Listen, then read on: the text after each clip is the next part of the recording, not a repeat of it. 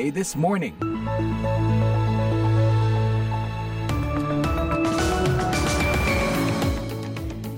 Halo dari Ibu Kota Amerika Washington DC. Selamat pagi. Apa kabar? Hari ini Rabu 6 Desember 2023. Kembali VOA This Morning menemani pagi Anda. Dalam laporan pertama, kami akan menyajikan tentang empat kandidat calon presiden dari Partai Republik yang siap berdebat Rabu malam. Ini akan menjadi debat keempat sekaligus terakhir. Hey, good evening, everyone. Welcome to the Republican presidential debate. Now, with stricter qualifications, the candidates have narrowed to four for the fourth debate. Laporan dari Indonesia pagi ini, informasi dari pencarian korban erupsi Marapi. Sejauh ini, korban tewas tercatat 22 orang. Sampai pukul 18.30 ini, ini masih yang lima orang. Tanggal 4 Desember ini yang masih bisa teridentifikasi. Kami akan menyampaikan pula laporan mengenai berbagai protes yang mewarnai KTT PBB COP28 yang sedang berlangsung di Dubai, Uni Emirat Arab, negara yang membatasi kebebasan berpendapat. Saya Karina Amkas, yuk kita buka jendela VOA This Morning dengan berita dunia. Selamat pagi. Pasukan Israel maju lebih jauh ke Gaza Selatan pada hari Selasa untuk menyerang militan Hamas meskipun organisasi bantuan internasional menyatakan keprihatinan bahwa warga Palestina yang mencari perlindungan di wilayah tersebut tidak memiliki tempat berlindung. Tang dan pasukan Israel bergerak ke dekat Khan Yunis, kota di selatan yang merupakan kota terbesar kedua di jalur Gaza, sementara serangan udara Israel menghantam Gaza Selatan. Peringatan dari militer Israel dalam beberapa hari terakhir mendesak warga di beberapa lingkungan Khan Yunis untuk mengungsi demi keselamatan mereka dan mengarahkan mereka ke daerah yang lebih jauh ke selatan. Sementara itu, Kepala Badan Bantuan Amerika Samantha Power melakukan kunjungan pada hari Selasa ke El Arish, daerah terdekat yang digunakan untuk mengordinasikan bantuan internasional yang masuk lebih banyak yang harus dilakukan untuk melindungi warga sipil dan mempercepat laju bantuan penyelamatan jiwa yang menjangkau masyarakat Gaza. Tulis Power di X yang sebelumnya dikenal sebagai Twitter. Presiden Ukraina Volodymyr Zelensky akan berpidato di depan anggota Senat Amerika pada hari Selasa di tengah desakan Gedung Putih agar Kongres segera menyetujui pendanaan baru guna membantu Ukraina dalam mempertahankan diri melawan Rusia. Pemimpin mayoritas Senat Chuck Schumer mengatakan Zelensky diundang untuk berbicara melalui video pada sebuah konferensi rahasia sehingga kita dapat mendengar langsung darinya apa yang dipertaruhkan ketika anggota Kongres melakukan pemungutan suara pada rancangan undang-undang mencakup bantuan baru senilai miliaran dolar untuk Ukraina.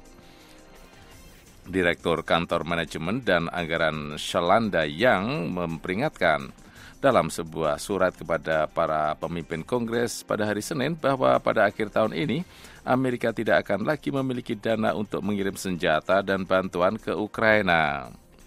Kita kehabisan uang dan kita hampir kehabisan waktu, kata penasihat nasional Jake Sullivan kepada para wartawan. Pemungutan suara yang menentang dukungan terhadap Ukraina adalah pemungutan suara untuk meningkatkan posisi strategis Presiden Rusia Vladimir Putin, pungkasnya.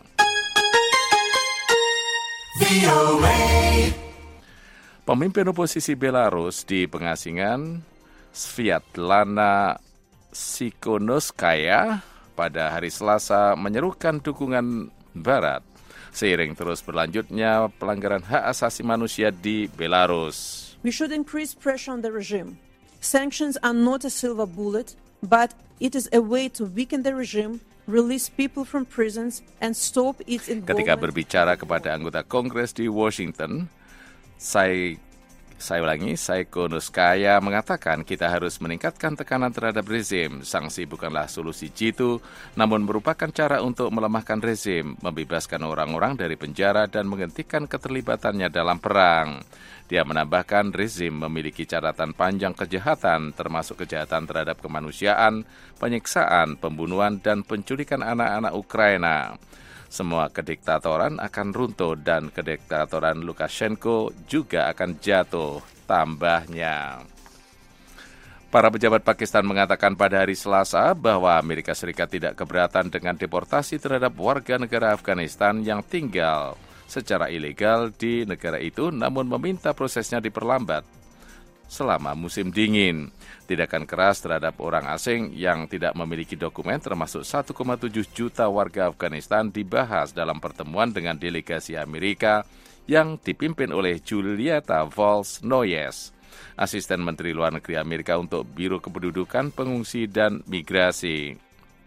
Seorang pejabat Pakistan yang mengetahui rahasia pembicaraan tersebut mengatakan bahwa pihak Amerika berupaya mencegah deportasi sekitar 25 ribu orang yang dianggap rentan yang melarikan diri sejak Taliban menguasai Afghanistan pada tahun 2021 dan mungkin memenuhi syarat untuk direlokasi atau dimukimkan di Amerika Serikat.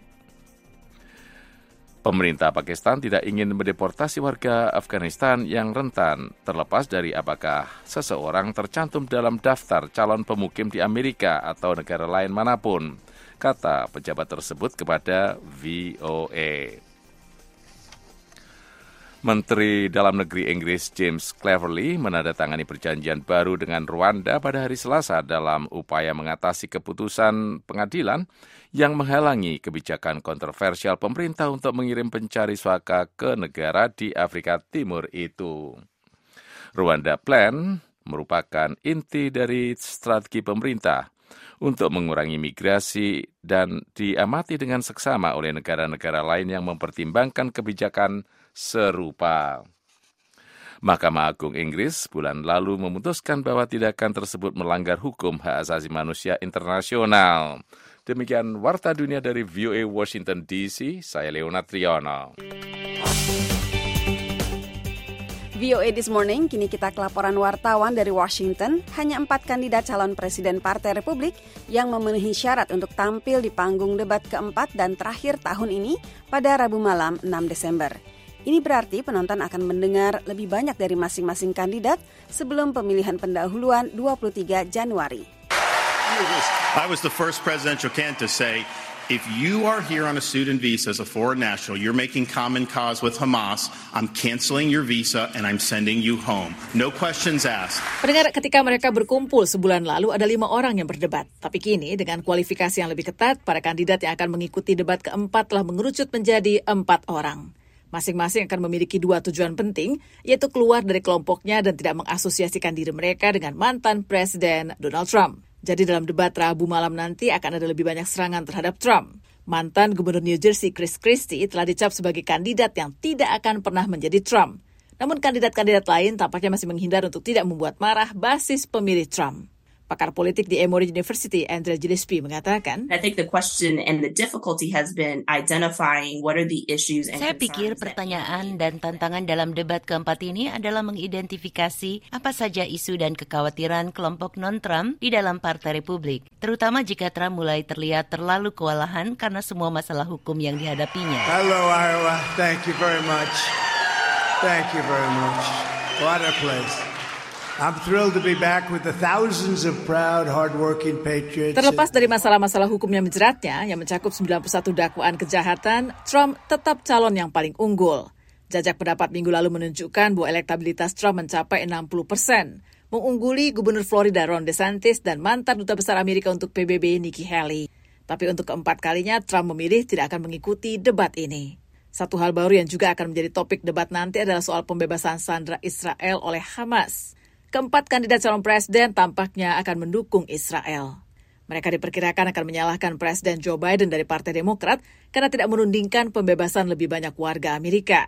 Mereka juga bisa berbeda pendapat tentang taktik perang. Demikian menurut Direktur Urusan Debat Universitas Michigan, Aaron Cowell. Yeah, I think though there will be a question kind of in the ceasefire and whether that that should. Saya pikir pertanyaan dan tantangan dalam debat keempat ini adalah mengidentifikasi apa saja isu dan keprihatinan yang bisa membangunkan kelompok non-Trump di dalam Partai Republik. Jadi baik saya partai yang jelas-jelas anti-Trump atau orang-orang yang memilih Trump karena dia adalah calon Partai Republik, tetapi yang jelas mereka tidak merasa terikat dengan Trump dan merekalah yang kemungkinan akan terbuka terhadap peluang untuk memilih kandidat lain. Para kandidat ini akan memiliki waktu dua jam untuk berbicara kepada para pemilih Partai Republik. Pemungutan suara dalam kaukus di negara bagian Iowa yang pertama dalam tahap Pilpres Amerika kali ini akan dilangsungkan pada 15 Januari. Sementara pemilihan pendahuluan atau primary yang pertama akan diselenggarakan di New Hampshire pada 23 Januari. Para aktivis Selasa memprotes kehadiran industri minyak, gas, dan batu bara pada KTT PBB COP28 di Dubai. Mereka menuntut diakhirinya penggunaan bahan bakar fosil yang merupakan sumber utama penyebab perubahan iklim. Dalam aksinya, puluhan aktivis menyerukan keadilan iklim. Mereka membawa spanduk bertuliskan Just plus Equitable, Fossil Fuel Phase Out, Stop Fueling the Fire. Intinya, menuntut dihentikannya penggunaan bahan bakar fosil. Meskipun perundingan iklim PBB pada masa lalu telah memicu demonstrasi besar-besaran, termasuk COP26 di Glasgow pada 2021 dan COP21 di Paris pada 2015. Demonstrasi tahun ini tidak banyak terdengar. Pasalnya, di negara tuan rumah acara tersebut, Uni Emirat Arab atau UEA, kebebasan berpendapat dibatasi.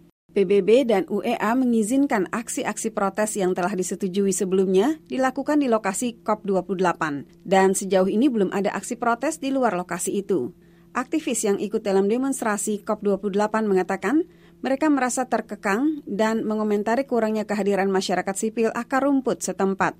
Kami ingin menuntut di akhirnya semua penggunaan bahan bakar fosil, baik yang emisinya sudah dikurangi maupun yang tidak dikurangi cetus aktivis Zimbabwe Lauren Chiponda, usia 37 tahun, kepada kantor berita Reuters setelah berbicara dalam salah satu demonstrasi. Negara-negara yang memproduksi atau bergantung pada bahan bakar fosil menekankan potensi penggunaan teknologi untuk mengurangi atau menangkap emisi dibandingkan mengakhiri penggunaan bahan bakar tersebut. It is disappointing that the COP28 is being held in UAE given their heavy dependence on fossil fuels and them pushing for fossil fuels. Lauren Ciponda mengatakan, sangat mengecewakan bahwa COP28 diadakan di UEA mengingat ketergantungan mereka yang besar terhadap bahan bakar fosil dan dorongan mereka terhadap bahan bakar fosil. Ciponda menambahkan, seruan dihentikannya penggunaan bahan bakar fosil secara bertahap hanyalah pengalih perhatian yang memungkinkan terus digunakannya bahan bakar itu. Ia ragu bahwa para delegasi akan mencapai kesepakatan yang akan bermanfaat bagi lingkungan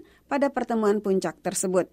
Aktivis Kolombia Andres Gomez, usia 47 tahun, melakukan perjalanan dari Amerika Selatan untuk ikut dalam COP28. Dia mengatakan transisi ini harus adil, yang berarti para pencemar besar harus mengambil tindakan terlebih dahulu. When we think and when we talk about this transformation, it's got to be equitable, which means that there are many countries which are kalau kita berpikir dan berbicara tentang transformasi, ini harus dilakukan secara adil. Artinya, ada banyak negara yang jadi bagian dari masalah ini dan mereka mendapat manfaat lebih besar dari industri bahan bakar fosil dibandingkan negara lain seperti Kolombia. Pemerintah-pemerintah di COP26 sepakat akan mengurangi penggunaan batu bara yang merupakan bahan bakar fosil yang paling menimbulkan polusi. Karlina Amkas, VOA, Washington.